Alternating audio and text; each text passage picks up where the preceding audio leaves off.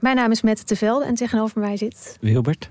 En ik heb vrij veel last gehad van neerslachtigheid, eigenlijk nog steeds wel in het leven. En depressies. En volgens mij gaan we dat proberen op te lossen. We gaan jou redden. En de rest van de mensen. En de toch? rest van de mensen. Ja. Wie redt Wilbert? Dat is de vraag. Wie helpt hem bij de kwesties en problemen van vandaag? Luister naar Wie redt Wilbert en de rest van de mensheid. Een podcast van de VPRO voor NPO Luister. Het nieuwe album van Taylor Swift is uit. Ja, hier hebben we echt heel lang naar uitgekeken. Wat vind je ervan? Als je het mij vraagt, is Taylor Swift grappiger dan ooit op dit album. Ik denk dat om tot de kern van het album te komen, je echt weer het allerlaatste nummer moet weten te beluisteren. Misschien had dat wel het eerste nummer moeten zijn. In Taylor's era reviewen we de hele plaat, nummer voor nummer. Waar gaat het album over en waar staat het in het oeuvre van Taylor Swift? Luister nu naar Taylor's era op Podimo en Spotify. Hallo knappe kontjes en lieve billies, welkom bij Damn Honey.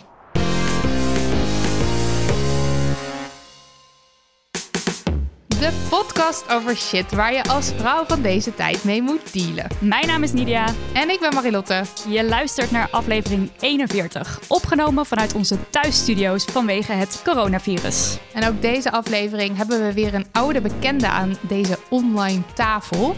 Eh, we interviewden haar voor ons tweede boek Heb je nou al een vriend? Waarin ze alle shit deelde waar zij mee moet dealen. En ze schoof al eens aan om te praten over haar werk als kunstenaar en straatintimidatie. Het is Xiao Yang Chao. Hallo. Hoi, Hallo. Welkom. Welkom. dank je. We gaan het zo met je hebben over racisme jegens mensen met een Aziatisch uiterlijk en over je kunst en activisme. Maar eerst ben ik heel benieuwd. eh, in de vorige aflevering waarin je te gast was, dat was november, denk ik. Ja, Zoiets, ja, ja. Nou, nou, toen vertelde je dat je net je laatste werkdag had gehad. Ehm, en dat je voor jezelf fulltime aan de slag ging als kunstenaar. En then the corona crisis happened. Hoe is het, hoe is het met jou en je bedrijf? Ja, eigenlijk wel eh, oké. Hmm. Het geluk wat ik had eh, toen ik zeg maar eh, bij mijn baan wegging, is dat ik toen eh, ontslag heb gevraagd. En toen heb ik dus een WW-uitkering kunnen vragen. Dus dat scheelt heel erg. Oh, wat goed. Oh, Ja, oké. ja, zo dus dat is heel slim. fijn. Ja, dus daar Ja. kan ik gelukkig nog van leven. En ik heb daarnaast nog wel klusjes lopen, dus dat scheelt. Ja, oké. En heb je verder veel last van ehm, ja, angst of, eh, ja, of, of paniekerige gevoelens, eh, omdat, je, omdat je die grote stap had genomen en nu dit aan de hand is? Eh, nee, ik ervaar, ik ervaar dat eigenlijk helemaal niet. Ik had wel in het begin, toen het gebeurde, gewoon, ik denk wat iedereen letterlijk had, dat het een bepaalde onzekerheid was van wat nu en hoe lang nog en eh, in hoeverre worden we inderdaad financieel gedekt en eh, loop ik opdrachten mis. Maar ik merk gewoon dat nu iedereen nieuwe oplossingen zit te bedenken van hoe kunnen we in deze tijd alsnog alles door laten gaan. En daardoor merk ik juist dat er heel veel creatieve input komt van veel eh, kanten waarvan je het niet zou zeggen. Ik zag ook op je Instagram dat jij zelf een soort kaartenactie had. Loopt Ja. die nog? Ja, ja, die loopt nog inderdaad. Ja, ik heb ook... Gelijk even pluggen. Yay!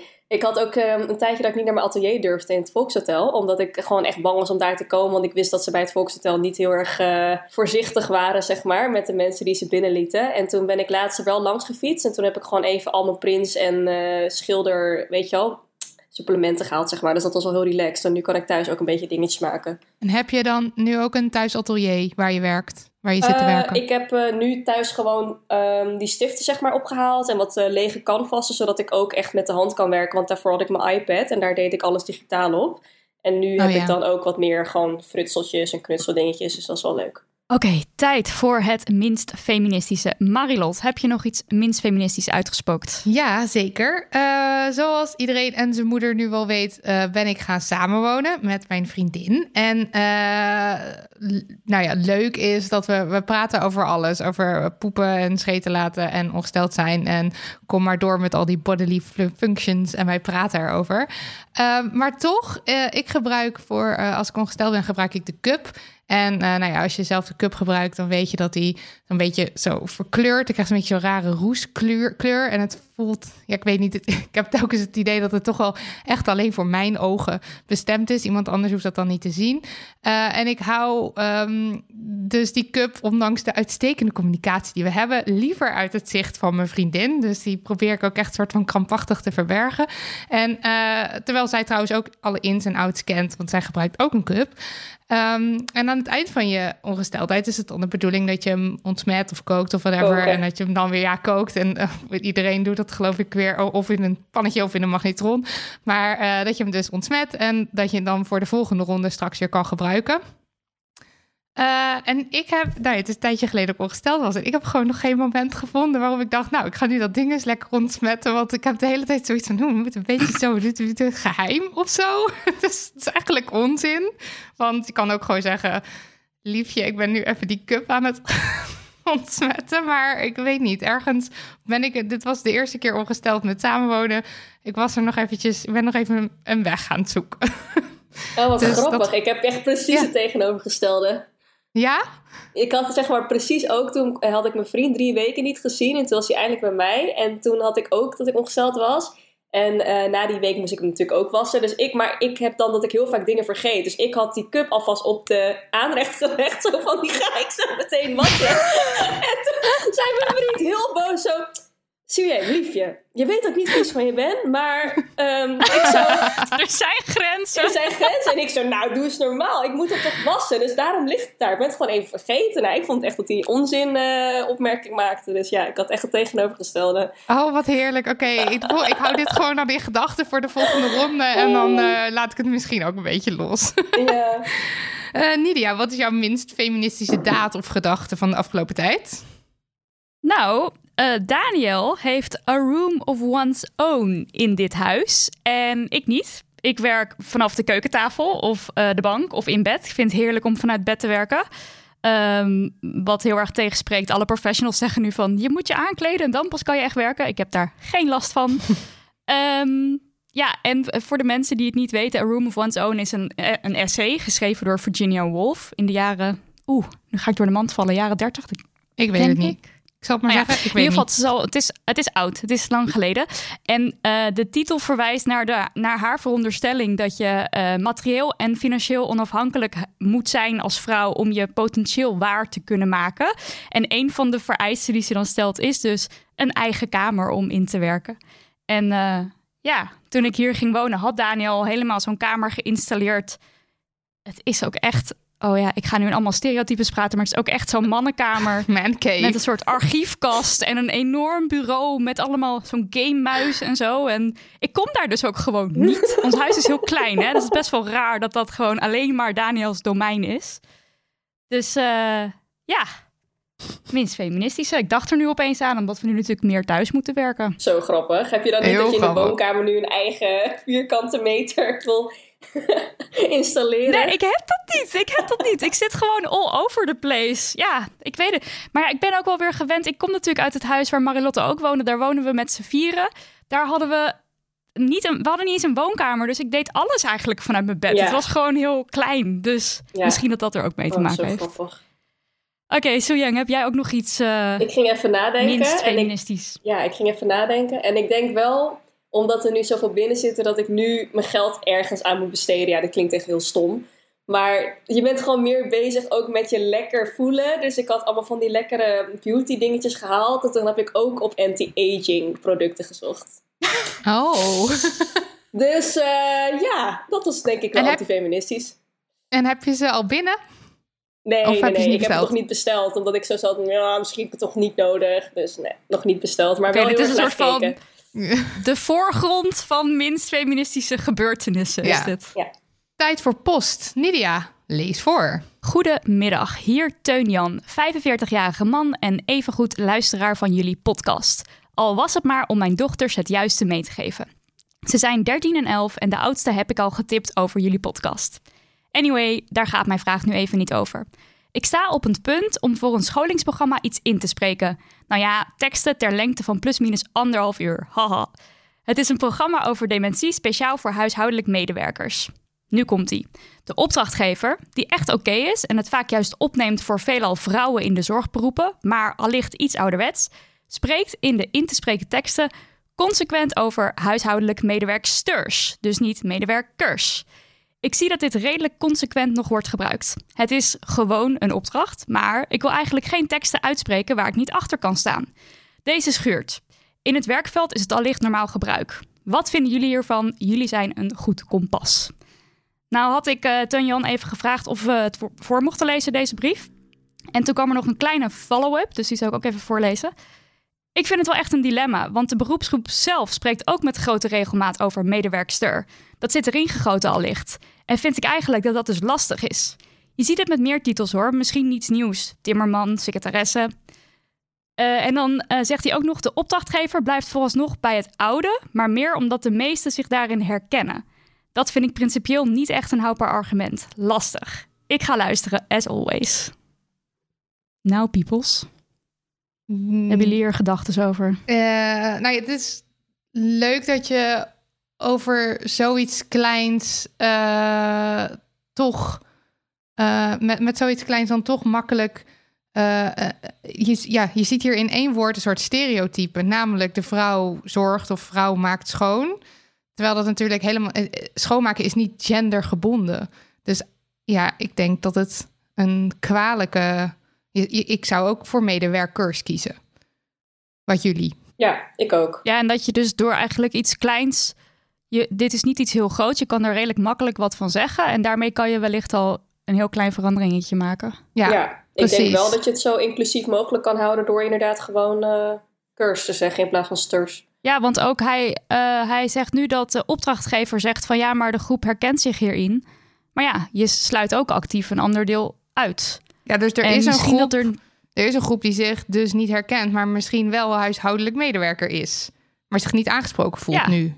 En dat is echt eigenlijk zonde als, je, als het een tekst is gericht aan al die mensen. Is niet nodig. En wat vinden jullie dan van als we het doortrekken? Um, zou Teun Jan dan moeten zeggen, nou dan niet, als jullie per se medewerksters willen zeggen? Ja, dat hangt denk ik, dat hangt denk ik heel erg af van, van wat het is en hoe groot de opdracht is. Dat, dat is aan Teun Jan zelf, denk ik, om te bepalen of je. Het is ook weer zo wat om een. Om, om bijvoorbeeld, als de grote opdracht is en je krijgt er veel geld voor, om dat nu dan te zeggen: nee, dan doe ik het niet. Dat vind ik nogal wat. Want het is niet per se aan een individu zomaar om dan hier je principe, aan je principes vast te houden, denk ik moet het ook een beetje afwegen.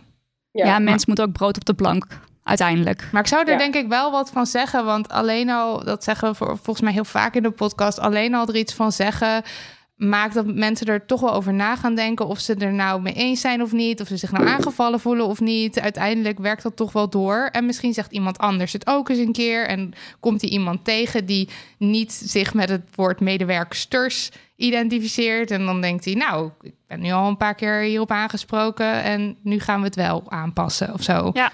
Je weet niet wat voor butterfly effect het heeft. Dus ik zou het wel zeggen, maar ik denk dat ik niet per se dan de opdracht niet aan zou nemen.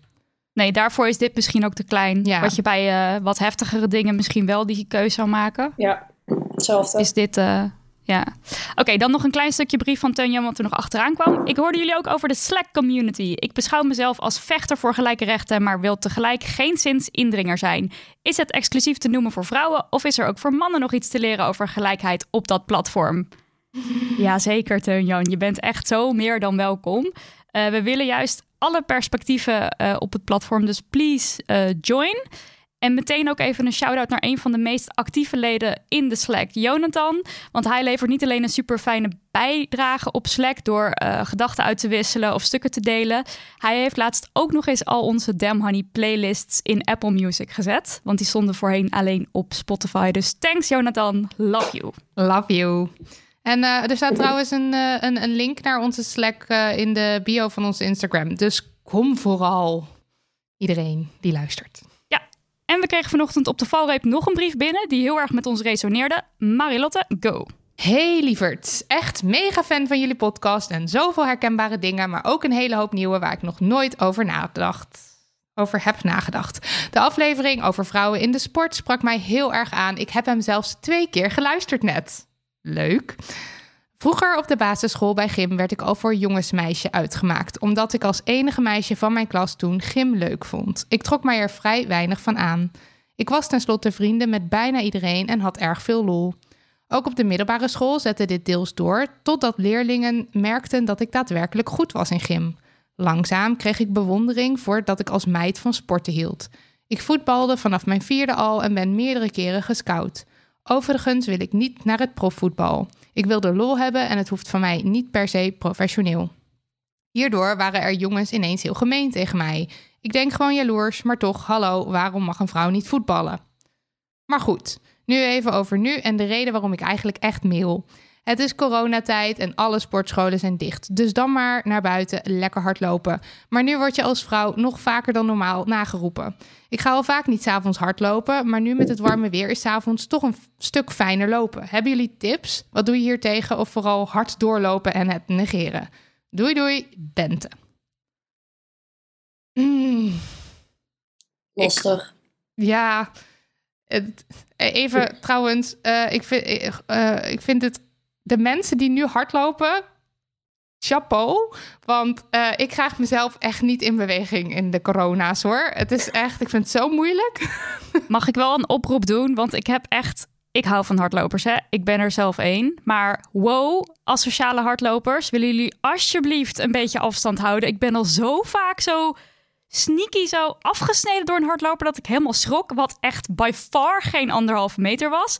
Als je gaat hardlopen, zorg dat je geen andere mensen in de weg loopt. Maar goed, dat is Dat is eigenlijk een een beetje de side- ja. ja, het, stoort me enorm. Ja, het is echt heel vervelend. Eh, nee, maar catcallers. eh ja, dat stoort me ook enorm. En het resoneerde zo met mij vanwege dat, dat catcall gedeelte. Want het is, ja, ik, ik, ik, ik merk het ook. Het lijkt wel voor driedubbeld. Ik heb er laatst nog een Insta-post over gemaakt. Want ik word echt aan alle kanten eh, eh, nageroepen. Eh, en eh, ik ben ook een keertje achtervolgd. En ik merk dus dat ik het juist nu in deze tijden ook wel lastig vind om adequaat te reageren. Omdat je ook heel erg bezig bent met afstand houden. Ehm, en eh, ja, ik werd dus een een keertje soort van half klem gereden op een brug. En dan sta je dus toch de hele tijd van... ja, maar ik wil sowieso al niet in je buurt... maar nu moet ik ook nog zorgen dat ik anderhalve meter verder ben. Dus ik ben heel erg daarmee bezig. En dan reageer ik niet adequaat, vind ik dan. En dan ga je daar weer over nadenken. Het neemt zoveel ruimte in. En als, als je het dan hebt over s'avonds hardlopen... ja, dan is het dus echt kiezen tussen twee kwaden. Het is of gecatcalled worden... of je gedrag aanpassen en niet gaan hardlopen s'avonds... Ja, en dat laatste vind ik eigenlijk niet te verkroppen. Dus ik zou wel zeker gaan hardlopen. Ehm, ja, en dan, en, dan, en dan vooral... De ene keer reageer je adequater dan de andere keer. Maar wat de fuck Ja. is er aan de hand met catcallers?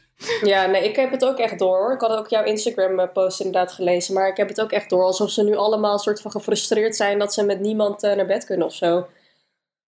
het, is echt heel, het is echt heel apart. Ja, of een soort van... Toch, toch nou ja, nou, ik wil niet, ik ga het ook niet analyseren. In ieder geval, het is iets wat is. Eh, ik, herken, ik herken het en erken ook dat, dat, dat catcallen echt verdriedubbeld is. Ja, het is gewoon kut. En heb ik tips? Ik weet het niet. Nidi, heb jij tips? Jij loopt, nee, jij loopt minder hard nog. Je loopt nu niet hard, nee. Loopt nu niet hard. Nee. ehm,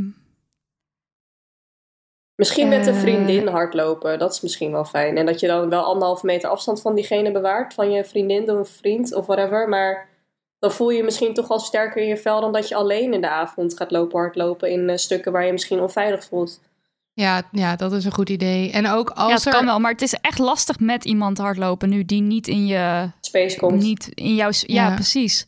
Want het is dus al heel moeilijk als ik zo andere hardlopers zie, vooral in het park en zo. Hè, die paden die zijn vaak niet gemaakt op anderhalve meter afstand houden. Laat staan allebei anderhalve meter afstand houden en ook nog andere mensen die je tegemoet komen lopen Ja. eh, van je van je weghouden. Ik ben ook wel eens... Ehm, eh, ja, nee. Maar weet je, dit is weer het hele ding. Het, eigenlijk, het gaat heel erg weer over wat we in onze vorige aflevering, waar Su Yang er toen ook al bij was, waar we het ook over hadden. Van het is natuurlijk raar dat wij nu gaan bespreken Ja. wat voor gedrag je zou moeten gaan vertonen. Maar goed, het is wel weer de situatie waar je nu eenmaal mee moet dealen. Dus dat blijft gewoon zo'n vervelend iets. Wat Ja, in ieder zeker. geval wel heel prettig is, is als het gebeurt en je komt thuis, eh, praat er even over. Omdat het dan uit je hoofd is. Eh, ik, Ja. ik heb nu de keren dat ik het heb meegemaakt, ook meteen eventjes gespuit met iemand bij iemand. En dan ja, oké, dat neemt dan ook weer ruimte in. Maar dan, ben je, dan is het uit je systeem en dan kan je weer gewoon door met je leven. Want het is ook zo zonde als je er zo lang over na blijft denken. Want ze zijn het gewoon niet waard. Het is gewoon een teken van toch intimidatie en, en dominantie. En uh, daar, moet je, dat, dat, daar, daar moet je niet niks mee willen in je hoofd. Gewoon Ja. wegdoen. En dat is super lastig. En dat, het helpt als je het deelt met mensen. Wat ik dus op zich wel heel fijn vind nu, is dat ik gewoon mega veel afstand kan houden en me dus niet bezwaard hoef te voelen. Ja. Dus op wel. sommige best wel smalle paadjes in het park. eh, ik was vandaag ook weer wandelen en dan kwam iemand me tegemoet die een beetje zo, ja, meer vies ging kijken dan, dan letterlijk ging eh psten of zo. En dan dacht ik van, nou, ik kan gewoon nu echt extreem raar om jou heen lopen, helemaal op het gras. Want dat doe ik toch al de hele tijd. Ja, dus het is ja. niet... Wat natuurlijk, ik zou dat normaal ook moeten doen als ik, dat, als ik me daar lekker bij zou voelen. Maar zoals trouwe luisteraar weet, word ik graag vriendelijk en leuk gevonden door de hele wereld. Dus dan durf ik dat niet. Maar nu doe ik dat wel. Of makkelijker. Ja, Dus ja. ja. Ja, dat herken ik wel. Maar goed, ja, succes Bente. Want Ja. het is gewoon kut. Het is kut.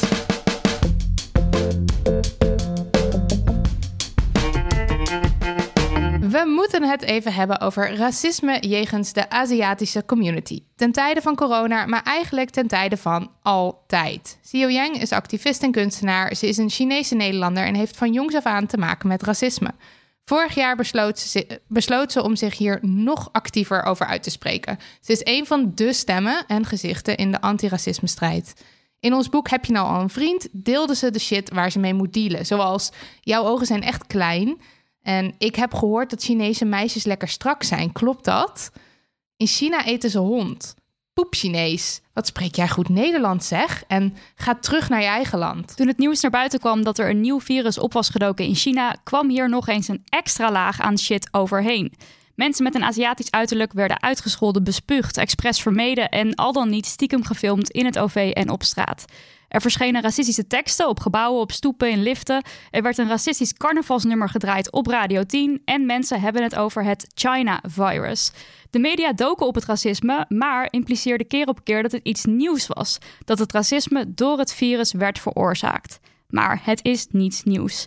Siu, kan jij je nog de eerste keer herinneren dat je te maken had met racisme? Al wist je toen misschien nog niet dat het ook die naam had? Toen ik klein was, bedoel je? Ja, Ja, ehm, ik ja, kreeg er al best wel snel mee te maken. Maar ik denk dat de eerste keren dat ik het wel wat meer begreep... was toen ik eh, aan het bolen was met mijn vader en mijn broer. En dat er toen in de verte gewoon twee witte kindjes waren... die spleetogen aan het trekken waren... en van die Chinese geluiden, klanken... En dat eh, mijn vader toen heel boos werd. Want ik zei tegen mijn vader van papa, zij doen dat, dat vind ik niet leuk. En dat hij er toen op afstapte naar de ouder eh, van die twee kinderen. En dat die ouder toen keihard moest lachen en zei van... Weet je wat, zijn maar kinderen, laat ze met rust. En vanaf dat moment begreep ik wel van... Oké, er klopt hier iets niet, weet je wel. Ik voel me hier niet prettig bij. Ik vind het raar dat dan een ouder het eigenlijk gewoon goedkeurt. Of wegwuift. Ehm, en vanaf dat moment werd het wel duidelijk. Vooral ook omdat mijn vader er best wel boos om werd. Dus het was ook een bepaalde frustratie die hij vanuit zijn, zijn leven, zeg maar, op mij heeft geprojecteerd, weet je wel. Want hij is ook, zeg maar, een Chinese man die ehm, in de jaren zestig is geboren in Amsterdam. Dus hij was al helemaal een van de weinige Chinezen. Ehm, ja, dus hij heeft wel zijn frustraties ook echt wel op ons doorgezet, zeg maar. ehm, om te laten weten van, joh, weet je, bijt van je af en laat van je horen. Want anders eh, ja, gaat het niet goed. En, en hoe oud was je, was je toen bij dit specifieke Hmm. voorval? Hoe oud zou ik toen zijn? Ik denk zes jaar of zo. Ja, dat is heel jong nog. Ja, ja, en het is ook echt een leeftijd dat... Nou, ik denk dat het sowieso altijd heel heftig is. Maar als, jou, als je vader of je moeder heel boos wordt... of heel erg heftige emoties toont en je bent nog klein... dat dat dan heel onveilig... eh, dat je daar angstig van wordt. ja als zeker. dan zo'n situatie eh, ja, afspeelt. Verder, je hebt in ons boek vertel je ook over op school dat je bijvoorbeeld Hanky Panky Shanghai werd gedwongen om mee te zingen en dat er ook geen begrip was van hey, dit is niet oké. Nee, zeker. En ook niet vanuit de leraren, zeg maar. Dat als je dat aangaf, dan was het zo van... Ja, maar het is toch gewoon leuk. Ja, eigenlijk is, Dus is, eh, ja, zeker. is deze, dit soort vormen van, van racisme jegens de Aziatische community, dat is, wordt heel vaak, nog steeds ook, wordt het afgedaan als, ja, maar dat is, het is grappig of zo. En mensen lijken niet te begrap- begrijpen dat dit ook keihard racisme is. Ja, zeker. Ik denk ook dat het heel vaak is dat ze inderdaad zelf niet ervaren wat dat soort grapjes doen, zeg maar. Vooral als je beleeft dat een ander dat absoluut niet grappig vindt. En ook dat er met een bepaalde minderwaardigheidsgevoel zeg maar, naar wordt gekeken. Zo van, ze eten hond inderdaad, ze zijn vies en ze wassen zich niet en het komt daar vandaan. En je wordt constant weggezet als een hele bevolkingsgroep die er niet toe doet, zeg maar. En ik vind het ook sowieso heel moeilijk als ehm, mensen, witte mensen voornamelijk, gaan bepalen voor mij wat wel of niet racistisch is, zeg maar. Hetzelfde Ja. feit dat Gordon op televisie ook zei van ja, maar ik maak grapjes en ik besmeer niet een hele lift met poep en plas, want dat is pas wel heel erg. En dat ik denk, ja, die gradaties bepalen niet in hoeverre jij racistisch bent, zeg maar. Ja. Ehm, dus dat is wel af en toe lastig. Ja, dit is dat hele vreemde idee wat mensen hebben... dat je pas racistisch bent als je een soort KKK of zo. naar persoon bent. Ja. Ja, Ja. Dus dat ja. je zo van, ik kan niet, ik kan niet racistisch zijn, want ik ben toch ehm, leuk en vriendelijk. Of, de, of natuurlijk de Mijn mega eh, is dooddoener. zwart. Mijn collega, ja precies. Ja, eh, al deze dingen. Terwijl racisme is natuurlijk iets waar we allemaal in zitten. absoluut. En vooral witte mensen, je kan het niet, niet je, je bent gewoon onderdeel van een systeem. Absoluut. En dan kan jij het wel ehm, een grapje goed bedoelen, maar dan nog is het niet. één, het is al niet grappig. Daar begint het al mee. Maar twee, het is niet aan jou inderdaad om dan te- wat, wat, wat jij net ook al zegt, Sojank, van jij gaat niet bepalen voor mij wat wel of niet eh, racisme Maar is. het is- Zeker. Het En is heel ook- bizar. Sorry, Oh. hey, ja, ga jij maar. ga jij maar. Sorry. Eh, nee, maar wat ik ook wel interessant vind, is dat er zeg maar nu een hele community, eh, communitygroep is opgezet, zeg maar, vanuit Aziaten in Nederland. En dat is best wel mooi om te zien, want iedereen deelt daar hun eigen ervaringen en waar ze tegenaan lopen. Maar eh, er worden natuurlijk ook dingen geplaatst wat vervelender is voor het oog. En dat is dus inderdaad van die hele eh, grote video's van grote influencers die dan ook hele racistische opmerkingen maken. Maar er was één keer bijvoorbeeld een jongen die was homo. En die wordt dan gelijk homofobisch aangevallen, bijvoorbeeld. Of er wordt iets gezegd over Turken of islam islamieten. En dan denk ik ook van, jongens, dit is niet the way. We kunnen nu niet zelf weer gaan discrimineren, weet je wel. Dus het is ook heel vervelend als je dan zelf een minderheidsgroep bent... en dan vanuit die minderheidsgroep weer andere minderheidsgroepen gaat aanlopen vallen. Want dat brengt ons allemaal niet verder. Dus dat is ook nog eens heel problematisch, vind Ja. ik zelf. En is het, eh, want nog heel even terug naar bijvoorbeeld dat Hanky Panky Shanghai. Ik weet dat ik dat vroeger veel altijd moest zingen ook. Of moest zingen, dat zongen we gewoon. En eh, is, is dat dan misschien, ja, dat is dan denk ik een beetje vergelijkbaar met Zwarte Piet. Dat je gewoon niet wil dat iets van vroeger eh, iets racistisch is. Het ligt ja, dan, precies. Je het ligt wilt heel eh, gevoelig. ja, ja, ja, zeker. En ik snap het ook heel goed, want ik heb zelf natuurlijk ook gewoon Zwarte Piet gevierd. En ik denk gewoon 90% van alle Nederlanders, nou misschien wel ne- 100%. Ehm, en dat is ook even slikken. En ik denk dat het heel confronterend is als je dat op dat moment hoort. Want het liefst wil je gewoon je eigen ziel helemaal eh, ja, zuiver houden. Maar tegelijkertijd denk ik wel dat het heel, heel, heel erg begint met het erkennen en, en het bevestigen. En Ehm, ook erkennen wat een ander ervaart, zeg maar, een bepaalde emotie. En als diegene het niet fijn vindt, dat we daarnaar moeten luisteren. In plaats van dat we onszelf willen verdedigen en willen laten Ja. weten dat wij echt niet zo zijn. En, want dat is vaak wat ik meemaak. Als ik bijvoorbeeld een ander eh, vertel van... hey, yo, dat vond ik echt niet relaxed. Dan zijn ze niet bezig met mij een fijn gevoel geven of zeggen... sorry, het spijt me. Maar ze zijn puur bezig met zichzelf te verantwoorden dat ik het niet zo moet opvatten. En dat ik denk, huh, wow, maar dit gaat helemaal niet over jou nu. Dus dat is ook wel interessant. Ja, en ik denk dat dat, dat is precies de kern volgens mij van eh, discriminatie überhaupt. Om in al die, eh, als je het nou hebt over racisme of validisme of seksisme, dat eh, op het moment dat iemand in iemand uit een gemarginaliseerde groep zegt: hey, luister, de maatschappij zit zus en zo in elkaar. Ik loop hier tegenaan en dit is heel erg naar. En ik weet dat het voor heel veel mensen normaal is, maar ik, ik ervaar dit zo dat dat de meerderheid een soort van de neiging heeft zichzelf de onmiddellijk op zichzelf te betrekken en eh, onmiddellijk in de verdediging te schieten en niet te luisteren. Exact, ja, en gelijk dat de is iets heel mens, ja, precies. En dat is denk ik iets heel menselijks, want eh Iets heel witte menselijks. iets heel witte menselijk. Nou ja, is het niet gewoon iets menselijks? het is zoiets menselijks. Nou, ja, nou, we hebben het nu even specifiek over racisme. Ja, En dan wel. Ik denk dat Ja. mensen, mensen hebben zo'n gevoel van een racist. Dat is zo die boze karikatuur, dat kan ik niet zijn. Dus op het moment dat iemand zegt, hey yo, dat is racistisch. Dan is het meteen, nee, het is een kinderfeest. Of nee, het is Ja. een, Kinderliedje. ja, van hè, maar ja, ja. doesn't make sense. Eh, Oké, dan wat op, op wat latere leeftijd. Een beetje je puberteit. Als je jezelf ook eh, ja, wat meer met je, met je persoonlijkheid eh, ontwikkelen bezig bent. En misschien ook meer met je uiterlijk bezig bent. Waren er toen ook momenten dat je geconfronteerd werd met racisme? Of ik er toen al mee te maken kreeg. Ja, ja, zeker, absoluut. Ja, ja, zeker. Het is ook wel heel grappig omdat veel mensen niet beseffen dat zeg maar ehm beauty-reclame zijn natuurlijk allemaal op de meerderheid gefocust. Dus dan hebben ze het over die mascara en dat haarproduct en weet ik veel. En dan denk ik van ja, maar dat werkt niet voor iedereen. Stel je voor dat je dan de hele tijd naar beautyproducten moet kijken om silky, silky eh, stijl haar te krijgen terwijl je zelf kroeshaar hebt. Dan heb je ook constant het gevoel dat je ergens aan moet voldoen. Het is zo vervelend. En ik heb zelf dan natuurlijk andere soort oog en heel andere soort wimper ook structuur, zeg maar. En ik wilde vroeger natuurlijk ook die volumejes eh, wimpers hebben. En ik merkte gewoon al heel gauw van, oh, ik wil zo graag dat ook hebben. En ik merkte ook omdat ik dus eh, een van de weinige Chinezen of überhaupt buitenlanders op mijn school was,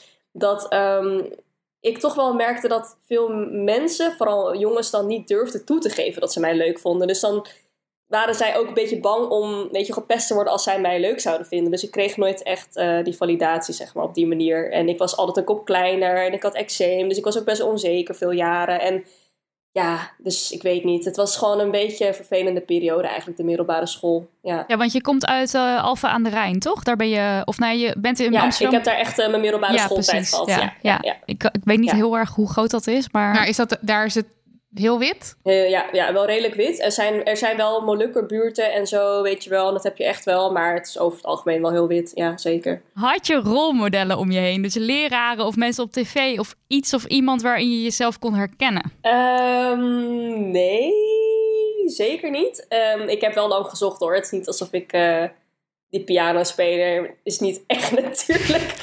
Bibi Suyari. Ehm, goed, voor de rest niet echt eigenlijk, nee. En de grap is dus eigenlijk ook dat ik heel lang daar niet echt bij stil heb gestaan. Het is pas nu ik ouder ben en begin in te zien van waar is het bij mij fout gegaan of wat heb ik niet meegekregen wat een ander wel mee heeft gekregen, is dus inderdaad die rolmodellen die zo essentieel zijn voor je zelfontwikkeling en hoe je naar jezelf kijkt en de dingen die je kan bereiken in het leven. Want als jij het gevoel hebt van er is niemand die je kent die eruit ziet als ik, die kunstenaar is en daar zijn geld mee verdient, dan heb je dus zelf niet het gevoel dat jij dat ook zou kunnen. Dus het is wel heel belangrijk, denk ik, om verschillende functies gezichten te laten zien. Wat ik bijvoorbeeld nu ook heel vervelend vind, is tijdens corona, is dat ze dan eh, van die hele mooie inzameling of een reclame maken over de mensen in de zorg, die nu zeg maar massaal bezig zijn om ons te ondersteunen.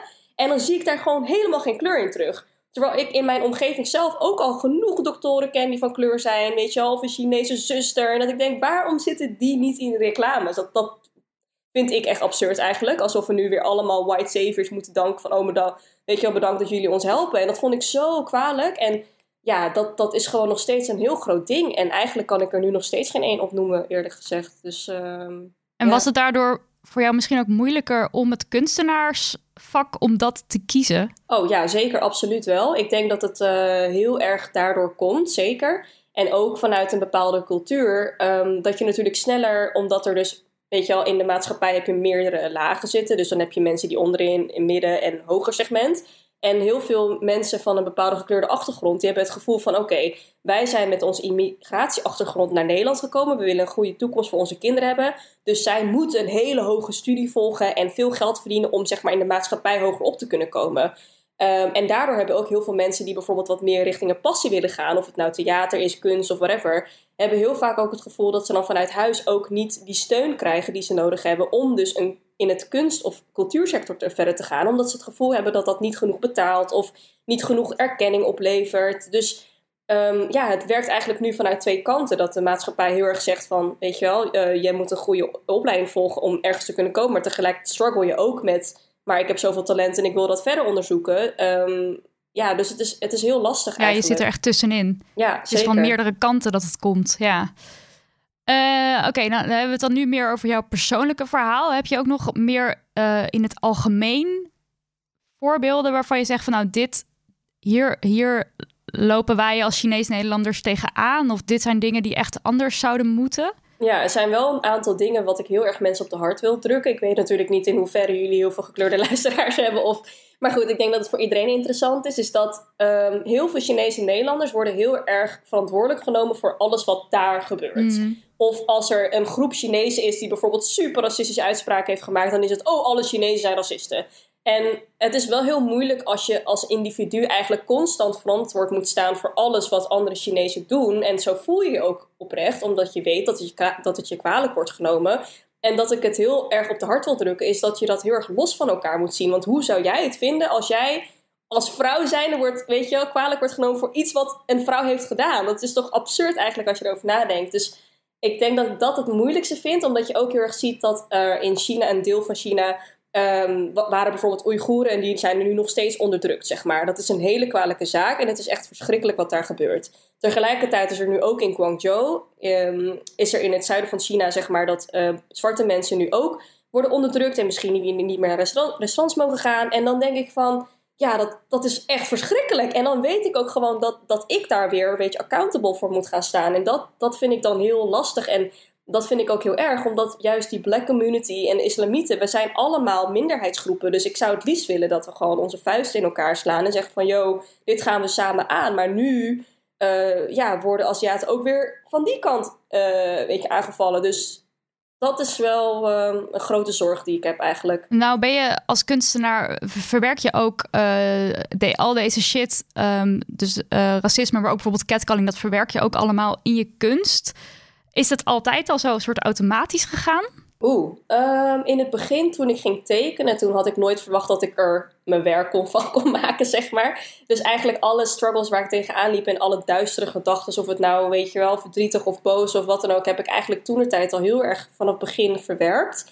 En eigenlijk was dat, um, was mijn werk in het begin ook veel meer soort van duister of zo. Ik weet niet of ik een goed woord kan voor kan vinden, maar ik merk dat ik nu wat meer vrolijker ben. En weet je, ik merk ook dat ik met mijn activisme uh, ja, gewoon vaker kan praten, waardoor ik niet alles zeg maar uh, visueel hoef te vervormen. Daarvoor was het meer visueel en was ik nog helemaal niet met spreken bezig. En nu kan ik echt uiten via spreken en activisme en kan ik visueel iets moois mm. creëren. Dus nu heb ik wat meer balans of zo gecreëerd. En dan ja. heeft je, je kunst je dus, of je kunst en je activisme je ook geholpen om wat lichter in het leven te staan. Zeker, zeker. Ik zou echt niet weten waar ik zou zijn zonder dat te kunnen doen eigenlijk, ja. Want ik denk dat het wel iets heel moois is dat we bijvoorbeeld nu ook in coronatijden van een moeilijke, duistere periode eigenlijk gewoon allemaal nieuwe dingen verzinnen. En, en weet je wel, en ik denk dat creativiteit, kunst en cultuur ja, zoveel helpen in dat proces. Want stel dat ik geen hobby's zou hebben, of stel dat ik helemaal niet creatief bezig was, dan zou ik eigenlijk niet weten wat ik de hele dag zou doen eigenlijk. Nou, vorig jaar heb je besloten om je actiever uh, hard te maken. Dat is misschien nu alweer. Het is nu misschien al een jaar geleden, of niet? Of meer dan een jaar geleden? Ja, jaar geleden, ja. Ja, was hoe, in de zomer. Ja. Wat, was, wat was de aanleiding voor? Hoe kwam het dat je, dat je voor jezelf dacht van... oké, okay, het is... Ik, ik ga me er nu echt nog actiever uh, over uitspreken. Ja, daarvoor was het eigenlijk dat er gewoon heel vaak um, ja, momenten waren waarin dingen werden, weet je, werden gezegd door grote influencers of was er iets gebeurd. En dan deed ik gewoon één screenshot of zo en dan zei ik er iets van. Maar dit keer was het dat ik zelf um, betrokken was zeg maar, bij het project. En het was een project van Broederliefde en die ging een clip maken. Maar dat wist ik allemaal niet. Ik wist alleen dat uh, een, een castingbureau mij had gevraagd van... hey, we weten dat jij heel erg involved bent met de Chinese community. Misschien ken jij nog een paar Chinese mensen, want we hebben nog mensen nodig voor de videoclip. En toen zei ik van, oh, dat vind ik super hard, want we verdienen het echt wel meer gezien te worden. Um, alleen worden ze weer slecht in het daglicht gezegd, ja of nee, want anders doe ik er liever niet aan mee. En toen hadden ze gezegd, nee, nee, natuurlijk niet. En uh, wij zijn zelf ook een heel inclusief, uh, weet je wel, dit en dit. En toen op een gegeven moment, toen had ik heel veel mensen voorgeschoven. Zei ik, nou, die is leuk, die is leuk. Mijn vader en mijn broer nog voorgeschoven.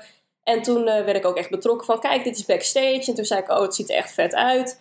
En toen kwam die clip dus uit en toen hoorde ik dus oh, het van Broederliefde en Temel. Nou ja, allebei wel artiesten die, of nou ja, artiesten die ik wel hard vind.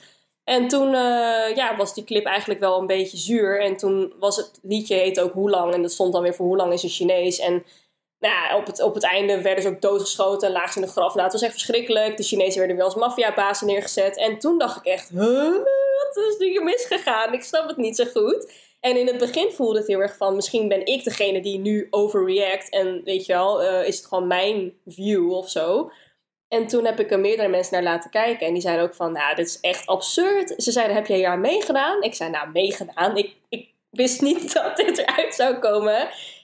Um, goed, toen heb ik degene die mij had gevraagd, had ik gecontacteerd. En diegene zei ook van, ja, nee, sorry, ik wist ook niet dat het zo zou zijn. En uh, dit en dit en dit. En, maar er kwam niet echt een oplossing. Ik had niet het gevoel dat er echt werd geluisterd naar dat ik het gewoon zo kwalijk vond. En dat ik het eigenlijk gewoon offline wilde hebben.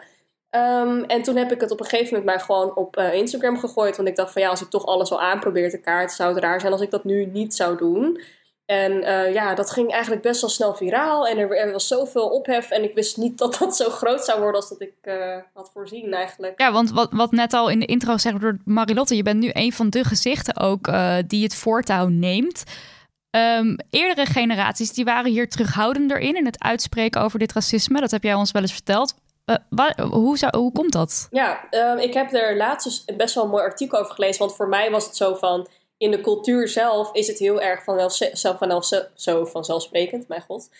Uh, om je mond te houden en bescheiden te zijn en integer, niet te veel confrontaties opzoeken. En ik dacht gewoon van dat zit in de cultuur, weet je wel, dat, ik weet niet beter. En toen heb ik dus een artikel over gelezen dat het veel dieper zit dan dat, omdat in China er natuurlijk een communistisch systeem zit waarin jij eigenlijk heel snel opgepakt kan worden of er kan strafblad komen. Er kan van alles komen wanneer jij je te veel uitspreekt over bepaalde zaken waar je, je eigenlijk niet mee moet bemoeien, zoals politiek of iets in die trant. En dat, daardoor zit het dus zo ingebakken in de cultuur. En dat vond ik zo interessant. Ik dacht van, oh, wat raar dat ik hier niet zelf op ben gekomen. Maar vanuit dat idee zijn ze natuurlijk ook naar Nederland gekomen. Want wisten zij veel dat het hier allemaal wel zo losbandig was. Dus ja, in hun systeem zat het eigenlijk nog steeds heel diep. En daardoor ook nog steeds in ons eigenlijk. Dus de confrontaties worden niet echt opgezocht. Je wilt gewoon in harmonie leven. En tegelijkertijd waren ze ook heel dankbaar dat ze hier een nieuw leven mochten beginnen. Dus um, ja, eigenlijk is dat een beetje een optelsommetje geweest van uh, heel lang stil mm. te zijn over ook racisme. En, en is het dan een, um, een grote stap voor jou en ook voor je generatiegenoten om nu te besluiten sorry, maar we pikken het niet meer? Ja, ja ik denk dat het uh, wel nodig was dat ik, waar, waaronder ik en Rayun en Piet, weet je wel, naar voren zijn gekomen en zeggen van, yo, wat de hel. En dat het toen op nationale televisie is gekomen, dat zoveel berichten gekregen hebben van mensen die ook al veel ouder waren, die al bijvoorbeeld rond de 40 of zo waren. En die zeiden, nou, ik ben gewoon helemaal in tranen uitgebarsten toen ik die aflevering zag, omdat ik toen besefte dat ik al die dingen heb gepikt en altijd heb gedacht van het is normaal. En nu besefte dat het helemaal niet normaal is eigenlijk.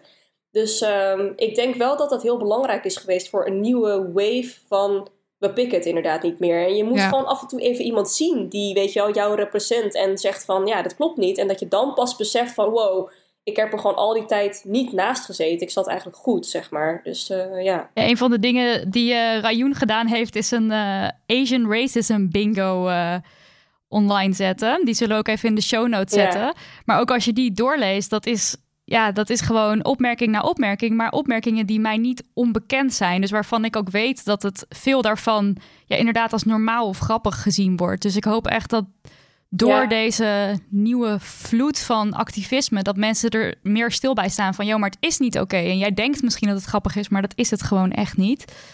Uh, een van de keuzes ja. die je ook maakte was... Uh, kijk, als je uit gaat spreken, kan je dat natuurlijk online doen. Je kan uh, zoiets als broederliefde, iets groots online um, aanpakken.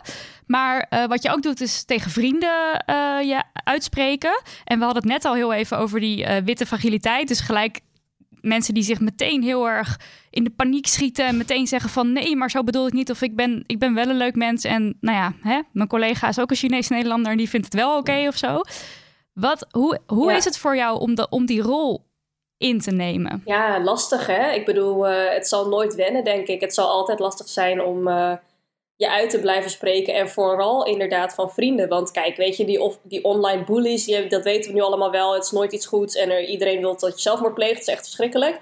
Maar echt van vrienden die dichtbij staan, die je misschien al veel langer kent bijvoorbeeld. Want ik heb um, vriendschappen die misschien al tien jaar zijn. En ik ben natuurlijk pas ongeveer twee, ja, twee jaartjes of zo nu wat activistischer bezig. En die gaan ook een kant van je meemaken die ze niet gewend zijn. En waar je vroeger om lachte, daar lach je nu niet meer om. Uh, ben je humor verloren? Ja, dat soort dingen krijg je natuurlijk wel. Dus het is wel um, lastig. En tegelijkertijd denk ik ook van, ja, maar Siel, weet je, we worden allemaal ouder en we gaan allemaal een levenspad in waarvan we het niet hadden gedacht. En sommige mensen die maken er deel uit en sommige niet. Dus um, ik heb wel iets van, ik sta nu wel stevig genoeg in mijn schoenen om niet mijn mond te laten snoeren. Want ik heb bijvoorbeeld ook een opmerking gekregen van, ja eh, je moet dat eigenlijk niet zeggen, dat is echt veel te hard en ik voel me nu aangesproken en eh, ben ik dan een racist? En dat ik toen echt zei van, nou, ik, eh, ik weet niet zo goed wat ik hierop moet zeggen, weet je wel. En ik denk van, dit is wel mijn activistisch platform wat ik inneem. Ik heb nog nooit met haar op een offline discussie gevoerd van, dat kan je niet doen, dat kan je doen. Dat heb ik nooit gedaan. Want ik dacht van, ja, we zijn vrienden en het is veel meer dan dat. Maar omdat zij mij dan aanvalt op een platform waarin ik me echt uitspreek heb ik het gevoel dat mijn mond wordt gesnoerd. En ja, dat was niet, uh, niet heel leuk. Ervaar je ook dat, dat vrienden uh, met je meegroeien wel? Nu jij je al een tijdje uitspreekt, dat er nu, als je een beetje de balans opmaakt, dat je denkt: oké, ja, maar het helpt wel echt. En ik merk ook wel dat die ja. ontwikkeling er ja, is. die heb je ook zeker. Ja, die heb je ook zeker, absoluut. Kijk, het uh, hangt natuurlijk heel erg af van iemands persoonlijkheid hoor. Ik bedoel, de ene begrijpt het meer dan de ander en staat er meer voor open. Dus het is wel echt per persoon anders. En ik heb echt wel een aantal vriendinnen die, uh, ja, die echt zeggen van... Wow, ik, dit, kijk, dit, dit kan toch niet? Dat ze zelf dan ook dingen naar me doorsturen. En eigenlijk ook stiekem heel trots op zichzelf zijn natuurlijk. Dat, dat ze dat door hebben, ja. gezien. ja. ja, dat is toch top? Dat is gewoon een soort van ja. blinde vlek die je dan ineens door hebt. Dat vind ik echt top om te horen. En dat, uh, ik heb hetzelfde met jullie, weet je wel. Ik bedoel, voordat ik feministisch uh, begon in te zetten... waren ook heel veel dingen waarvan ik nog niet uh, wist hoe en wat. Dus ik denk dat we allemaal gewoon in een leerproces zitten... Maar um, je moet er wel voor openstaan. Ja, precies. En, uh, stel, um, ik weet dat dit is niet, het is niet jouw werk om dit, om dit te beantwoorden hoor. Maar zou je een soort van kunnen geven, wat is een fijne reactie voor jou om te krijgen als jij zegt, yo, dat was racistisch? Um, dat diegene zegt van, uh, in hoe, oh, maar waarom dan? Zeg maar dat ze er meer over willen weten en meer over willen begrijpen. In plaats van dat gelijk zeggen van, helemaal niet. Dat is eigenlijk het slechtste wat je kan doen. Dus ik denk uh, een bepaalde interesse tonen. Als je het echt wil begrijpen, dan vraag je erom van... oh, waarom dan? Of, oh, sorry, dat bedoelde ik niet zo. En dat je dan om uitleg kan vragen, want dan kan je dat voor de volgende keer voorkomen, bijvoorbeeld. Ik zou het wel heel fijn vinden als iemand oprecht interesse toont waarom het dan niet kan. Ja, dus meer openheid en dus misschien ja. ook meer kwetsbaarheid van... oh ja, oké, okay, nou ja, ik zat fout en kan je me dan vertellen kan je, als je wil, kan ja. je... En zelfs als, de ander geen, zelfs als de ander geen uitleg kan geven... en diegene zegt gewoon, ja, het doet gewoon pijn... weet je, als, misschien kan diegene het niet uitleggen... maakt niet uit, degene heeft pijn... jij hebt iets, iets gezegd wat diegene pijn doet... nou ja, zand erover ja. en het is oké, okay, maar... ja, gewoon ja. sorry. Um, dan wil ik het nu ook eventjes hebben over uh, het, het racisme... wat nu tijdens corona um, um, enorm is. Ja, ik, ik twijfel de hele tijd hoe ik het moet noemen... want ik zeg de hele tijd opgeleid, maar het is niet per se opgeleid. Ik heb meer het idee dat het coronavirus een soort rare vrijbrief is geworden voor mensen om, om ongegeneerd hele nare dingen te roepen naar uh, mensen met een Aziatisch uiterlijk. Aan het begin van uh, corona was er veel uh, harassment op straat en in het OV. En uh, later was er ook dat fucked up carnavalslied wat opeens op de radio te horen was. Um, in eerste instantie werd er werd er niet veel naar geluisterd. En toen pakte de media het op en toen was er opeens uh, De Wereld Draait Door bijvoorbeeld. Uh, hoe was die plotselinge aandacht voor jou die er opeens was uh, voor racisme jegens de Aziatische community? Ja, dat was inderdaad wel interessant. Want voordat corona begon was er eigenlijk echt letterlijk niemand die echt naar ons omkeek eigenlijk. Er waren volgens mij twee artikelen daarvoor geplaatst ooit. En uh, ja, toen het eenmaal een sensatie was en het was eenmaal echt een ding en een beetje actueel, dan wordt het pas interessant voor nieuwsplatformen om je te benaderen, zeg maar. En wat ik dan ook heel kwalijk vond, wat ook in DWDD werd gezegd, is dat het ging eigenlijk over corona en daar moesten ze dan een Aziatisch persoon bij hebben. Terwijl, what the fuck do I know? Zeg maar, wat weet ik over corona in hemelsnaam? Dus dat was gewoon zo random dat ze dan de eerstvolgende gewoon bellen die op Google te vinden zeg maar.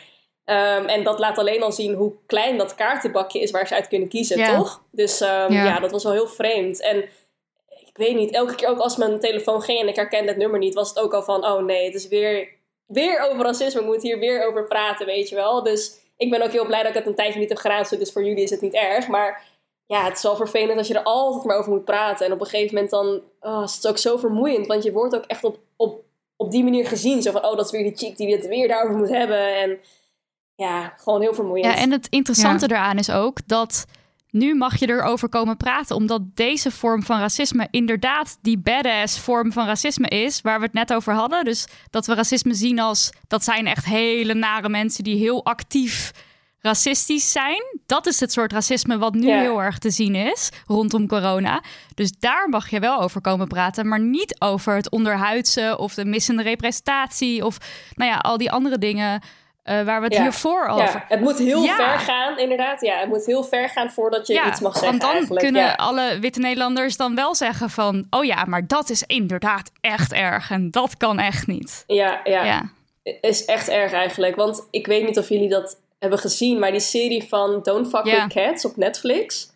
Ja, oké, verschrikkelijk. Nou, het begint dus allemaal eerst met dat hij die katten dan vermoordt. En dan wordt het op een gegeven moment een mens. En dan denk ik echt van, waarom moet het dan zo ver gaan voordat mensen begrijpen dat iets al onderhuids heel erg kwalijk is. En dat we daar naar moeten kijken en beter voorkomen, Mhm. weet je wel. Maar oh, ja, heel frustrerend. Maar helaas is dat een Ja. beetje... Ja, ja, want je hebt het dan over. eh, eh, eh, want nou, dit was duidelijk sensatie. En, eh, want opeens was de mainstream media er. Alleen maar nu horen we er eigenlijk weer helemaal niks over. Terwijl ik bijvoorbeeld wel nog. eh, ik, heb het, ik heb het idee dat het China-virus redel, een redelijk gangbare term begint te worden of zo. Terwijl. Ja. Ik snap er niks van, want iedereen weet wat corona is. En iedereen weet waar je het over hebt als je COVID-19 zegt. Ik snap Mhm. echt niet waarom je dat zou zeggen. En toch gebeurt dat nog wel. En, en, en hoe, hoe staat het er nu voor qua racisme? Is het, is het afgenomen nu? Zeg maar de, de, de- Mm, nee, het is dus nog steeds niet afgenomen helaas. Er is ook echt uh, eergisteren zo'n voorval geweest in Eindhoven... waarin een man met een hamer reed om iemand voor zijn kop te slaan... omdat hij er Aziatisch uitzag. Ja, nee, het is echt verschrikkelijk. En toen ook schreeuwde van het komt van jullie, la la la. En eh, nou ja, dus het is nog niet over helaas. En eh, daarbij komt dus ook nog eens dat de zwarte community en de islamitische community nu allebei boos zijn. Omdat natuurlijk daar in China van alles gebeurt. Dus het is heel veel op dit moment eigenlijk. Ehm, ja, dus het is niet per se beter geworden, helaas. Er was wel laatst een interview eh, wat plaats heeft gevonden van Deen, zeg ik het Desiree, van den Berg.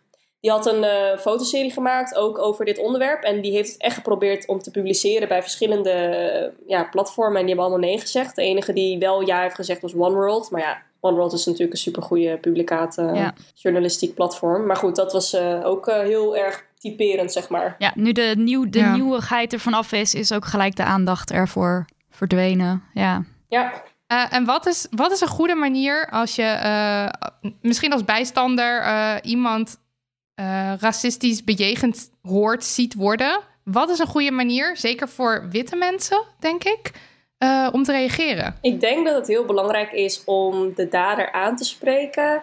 Ehm, en meer gewoon verbaasd reageren van... What is happening, weet je wel? Dat je gewoon aangeeft van...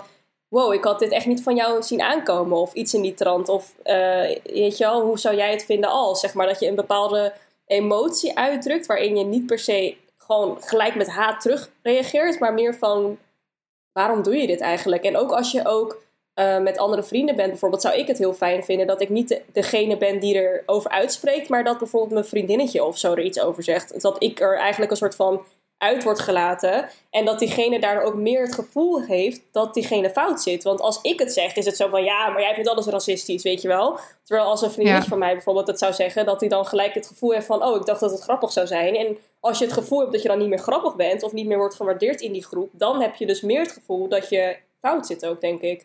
Um, dus ik denk wel dat het heel fijn is um, ja, als, je, als je ermee bemoeit en je, en je mond durft open te trekken voor degene die zich eigenlijk op dat moment weet je, aangevallen voelt. Um, dus er is iets van zeggen is in ieder geval heel erg prettig. Dat, daar ben ik Ja. wel heel blij mee als iemand dat doet. Het is natuurlijk heel vaak dat de ogen waarschijnlijk naar jou zouden zullen flitsen. Zo van, oh, kijken wat Sio erover gaat zeggen. Maar dat betekent ook dat jij elke keer de killjoy moet zijn. En jij ook een keer die rol Exact. in moet nemen. Dus ook vooral die Ja, oproep aan precies. andere mensen om ook, ehm, ja, niet per se alleen jouw vrienden, maar gewoon heel iedereen die luistert.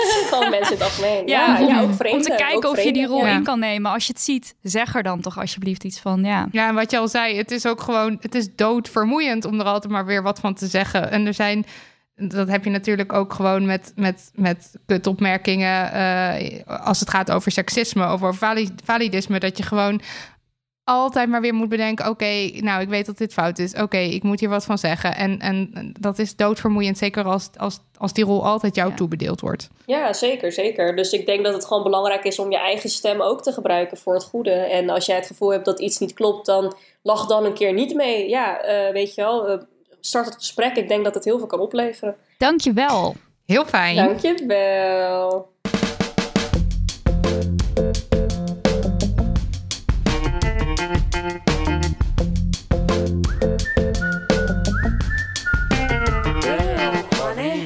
Komen we bij de afsluiter van deze aflevering. Damn Honey Yes en No. Marilotte, vertel, waar werd je afgelopen tijd boos van? Ja, uh, het is al een tijdje geleden. En misschien denk je nu, wat komt Marilotte nog met dit? Um, maar soms gebeuren er belangrijke dingen tussen de opnames van twee afleveringen in. Uh, en het is absoluut onmiskenbaar een keiharde no. Dus ik wil het toch even graag uh, met jullie delen. in aflevering 39 hadden we uh, Aniek de van bureau Clara Wigman en Rebecca Gomperts van Women on Waves te gast om te praten over abortus. En uh, door de coronacrisis staat het recht op abortus uh, onder druk. Dat werd in die aflevering ook heel erg duidelijk. Ons ook heel erg duidelijk. We hadden dat helemaal niet zo door. Uh, en op dit moment moet je namelijk uh, naar een abortuskliniek toe om een abortus te laten doen. Maar vanwege al die maatregelen die er nu zijn, de social distancing, uh, is het gewoon nu niet voor, is voor iedereen even makkelijk om naar zo'n kliniek toe te gaan. En sommige mensen kunnen niet eens naar buiten, omdat ze bijvoorbeeld een huisgenoot hebben die besmet is, of misschien zijn zij zelf besmet met corona. En een oplossing zou zijn om die mensen die dus nu niet, om wat voor reden dan ook, naar de abortuskliniek kunnen gaan. Um, maar daar wel eigenlijk zouden moeten zijn, om hen abortuspil op te sturen via de post. Uh, en daarmee kunnen ze toch op een veilige manier uh, een abortus doen zonder naar buiten te hoeven. Um, alleen omdat abortus onder het strafrecht valt, kan dat niet zomaar. Een arts zou strafbaar zijn als die een abortuspil zomaar op zou sturen naar iemand. Nou, we hebben bureau Clara Wigman en Women on Waves een uh, uh, een kort geding aangespannen tegen de staat uh, namens Trix. En Trix is een alleenstaande moeder en haar naam wordt niet openbaar gemaakt. Um, want Trix is op dit moment ongewenst zwanger. En zij is, uh, nou, zij is dus een alleenstaande moeder met een dochter met COVID-19 verschijnselen. En ze kan daarom het huis niet uit als zij de richtlijnen van de overheid wil blijven opvolgen. En door dit kort geding wilde Trix dat het mogelijk werd gemaakt dat de huisarts na een telefonisch consult de abortuspil per post kon opsturen naar haar, zodat ze die bij de apotheken kon ophalen. En op deze manier zou zij dus wel toegang hebben tot abortus. En dat is dus een recht, een grondrecht waar je, waar je gewoon gebruik van moet kunnen maken. En de rechter die heeft dus gezegd: nee, dat, uh, dat doen we niet. De uitspraak was. Uh, um, uh, dat is tegen de regels. Dus uh, Trix bijvoorbeeld blijft nu, uh, heeft, heeft, kan nu geen gebruik maken van het abortusrecht. Nou, dat lijkt me een overduidelijke damn money no. En er, zijn ook, er waren meerdere uh, vrouwen betrokken bij, deze, bij dit kort geding. Er was een vrouw, volgens mij op de Waddeneilanden woonde zij. Zij moest vier uur reizen om bij een kliniek te komen. En er was een vrouw uh, die zich op het laatste moment heeft teruggetrokken uh, uit, dit, uit, dit proces. Omdat ze niet in een veilige omgeving zat thuis. En haar partner wist niet dat ze zwanger was. Dus het was voor haar echt van groot belang ook. dat ze toegang krijgt tot die abortuspil en dat ze die opgestuurd kon krijgen. En het kon dus niet het, voor dit soort mensen die nu in zo'n moeilijk pakket zitten, zou dit gewoon een oplossing moeten zijn. Nou, en daar is dus nu, uh, het kortgeding heeft niet goed uitgepakt ja. daarvoor. Dus ja, heel treurig. Nou, is er wel um, actie ondernomen natuurlijk. De, dwars, de jongerenorganisatie van GroenLinks, heeft een petitie opgezet. Uh, die is, ik heb even gecheckt, nu al 5.500 keer getekend. 15, toch? Uh, dus heb je nog niet getekend? Vijf, oh ja, sorry, 15.500 keer getekend. En uh, nou ja, als je nog niet je handtekening hebt gezet, maar je bent wel boos, zoals wij, doe het, doe het, zet je ja. handtekening. En uh, ik zet uh, de link in de slow, link in de snow, in de snow, snow notes. notes. Ja, Liliane Ploemen heeft geloof ik ook kamervragen gesteld. Dus nou ja, um, ja, Naar aanleiding daarvan, zet het ja. weer iets in gang. Ik hoop het ook. Nidia, je damn honey, yes. Ja, dat gaat misschien raar klinken dat ik dit schaar onder een yes. Want uh, de podcastserie die ik ga tippen, die gaat over een zwaar onderwerp, namelijk over zelfdoding. Maar ik ga het toch doen en ook meteen uitleggen waarom ik het nou eigenlijk onder een yes plaats. Uh, voor Omroep Gelderland maakte Maarten Dallinga vorig jaar de podcastserie Verstrikt. En ik kwam deze week pas eh, de podcast op het spoor, omdat hij afgelopen dinsdag de NL Award heeft gewonnen in de categorie Beste Radioprogramma. Ik ken deze award verder niet, maar ik zag een tweet en ik dacht, oh, dat ga ik even luisteren. Want ik probeer elke dag een flinke lange wandeling te maken en dan eh, vind ik het fijn om iets te luisteren. Dus ik was eraan begonnen. En het is een absolute aanrader. Er ligt nog zo'n enorm taboe op zelfdoding. En het is een onderwerp waar we het liever niet over willen hebben. Vaak vinden mensen het ook eng om erover te beginnen, omdat ze bang zijn dat praten over zelfdoding mensen op gedachten brengt. Maar in deze podcastserie wordt meermaals uitgelegd dat dat juist niet het geval is. Dus vragen of iemand kampt met suïcidale gedachten, dat kan juist enorm helpen. En het zou dan ook heel goed zijn om bij lichte vermoedens hiernaar te informeren, er open over proberen te praten, in plaats van te doen alsof je het niet ziet en maar gewoon soort luchtig door te gaan. En dit alleen al, dus deze informatie van praat er open over, dat kan helpen, is een reden waarom je uh, ja, zou moeten luisteren in mijn beleving. Maar ook vanwege de verscheidenheid aan verhalen die voorbij komt. Want uh, die verhalen die zorgen misschien voor herkenning. Waardoor mensen zouden kunnen denken van... hé, hey, ik ben niet alleen met deze gevoelens en deze angsten... of nou ja, wat je ook maar kan uh, meemaken. En dat geldt dan zowel voor mensen die zelf suïcidale gedachten hebben... maar ook, als mensen, ook voor mensen die iemand hebben verloren. Uh, want er komen dus echt allerlei verschillende verhalen aan bod. Maarten die deelt zelf zijn eigen verhaal, dus de maker... Uh, maar een van de andere mensen die er voor mij ook echt uitsprong, dat was Charlotte Bouwman. En zij is 25 jaar en al acht jaar suicidaal. En ik ken haar niet persoonlijk, maar ik volg haar al een tijdje op Twitter. En zij spreekt zich regelmatig uit over stigma's rondom psychiatrische aandoeningen. En ze voert ook actie tegen de enorme wachtlijst in de GGZ. Het zou ook kunnen dat je haar misschien wel uh, kent als je een foto of als je haar nu even googelt. Uh, want zij heeft hier ook actie voor gevoerd. Zij is gaan wachten uh, voor het ministerie, geloof ik. Ze is daar elke dag gaan zitten. Want ze staat dus met 90.000 anderen op de lijst voor goede zorg. En zij, Charlotte, die staat er al 800 dagen op. Dat is zo lang. Kan dat echt is echt. Ik Dat- zit even ja. te denken, dat is echt. Dat is. Dat is ongelooflijk. En dan hebben we het over iemand die dus al acht jaar suicidaal is. Dus die echt nu die zorg... Nou ja, niet nu. Die had het dus 800 dagen geleden die zorg al nodig. Dat is verschrikkelijk dat dat de situatie is Ja. in Nederland. Ehm, ja, maar oké, terug naar de, de, podcast. De yes eraan is dus dat ik het goed vind dat, dat zo'n serie gemaakt wordt. Dat ehm, mensen ernaar kunnen luisteren. Dat er over het onderwerp gepraat wordt. Ik bedoel, wij hebben het er nu hier ook weer over. Wie weet dat door dit gesprek ook weer andere mensen erover durven te praten. Dus ja, ga vooral luisteren. En ik denk ook juist nu met corona zullen er veel mensen door isolatie extra kampen met gevoelens van angst of ehm, nou ja, de, eh, doordat je opeens van al je vaste patronen, patronen weg bent, dat er allerlei ja, zekerheid wegvalt, waardoor je misschien zware gevoelens krijgt, gedachten aan zelfdoding. Dus ja, Ja. misschien juist nu wel. Huishoudelijk geweld. Ja, er zijn heel veel redenen waarom we juist nu ook hierover zouden moeten informeren eh, naar dit onderwerp. Bij mensen waarvan we denken van hé, hey, misschien gaat die niet helemaal lekker. Laat ik het gewoon eens vragen van hoe ga jij eigenlijk hiermee om en, en hoe, hoe Ja. diep gaan die gevoelens? Ja, zeker. Volgens mij heb ik deze persoon ehm, bij Na het Nieuws gezien. Want ik zat toen een keer met Bette in de uitzending van Na het Nieuws. En toen was Oh, hij daar cool, volgens mij. ja.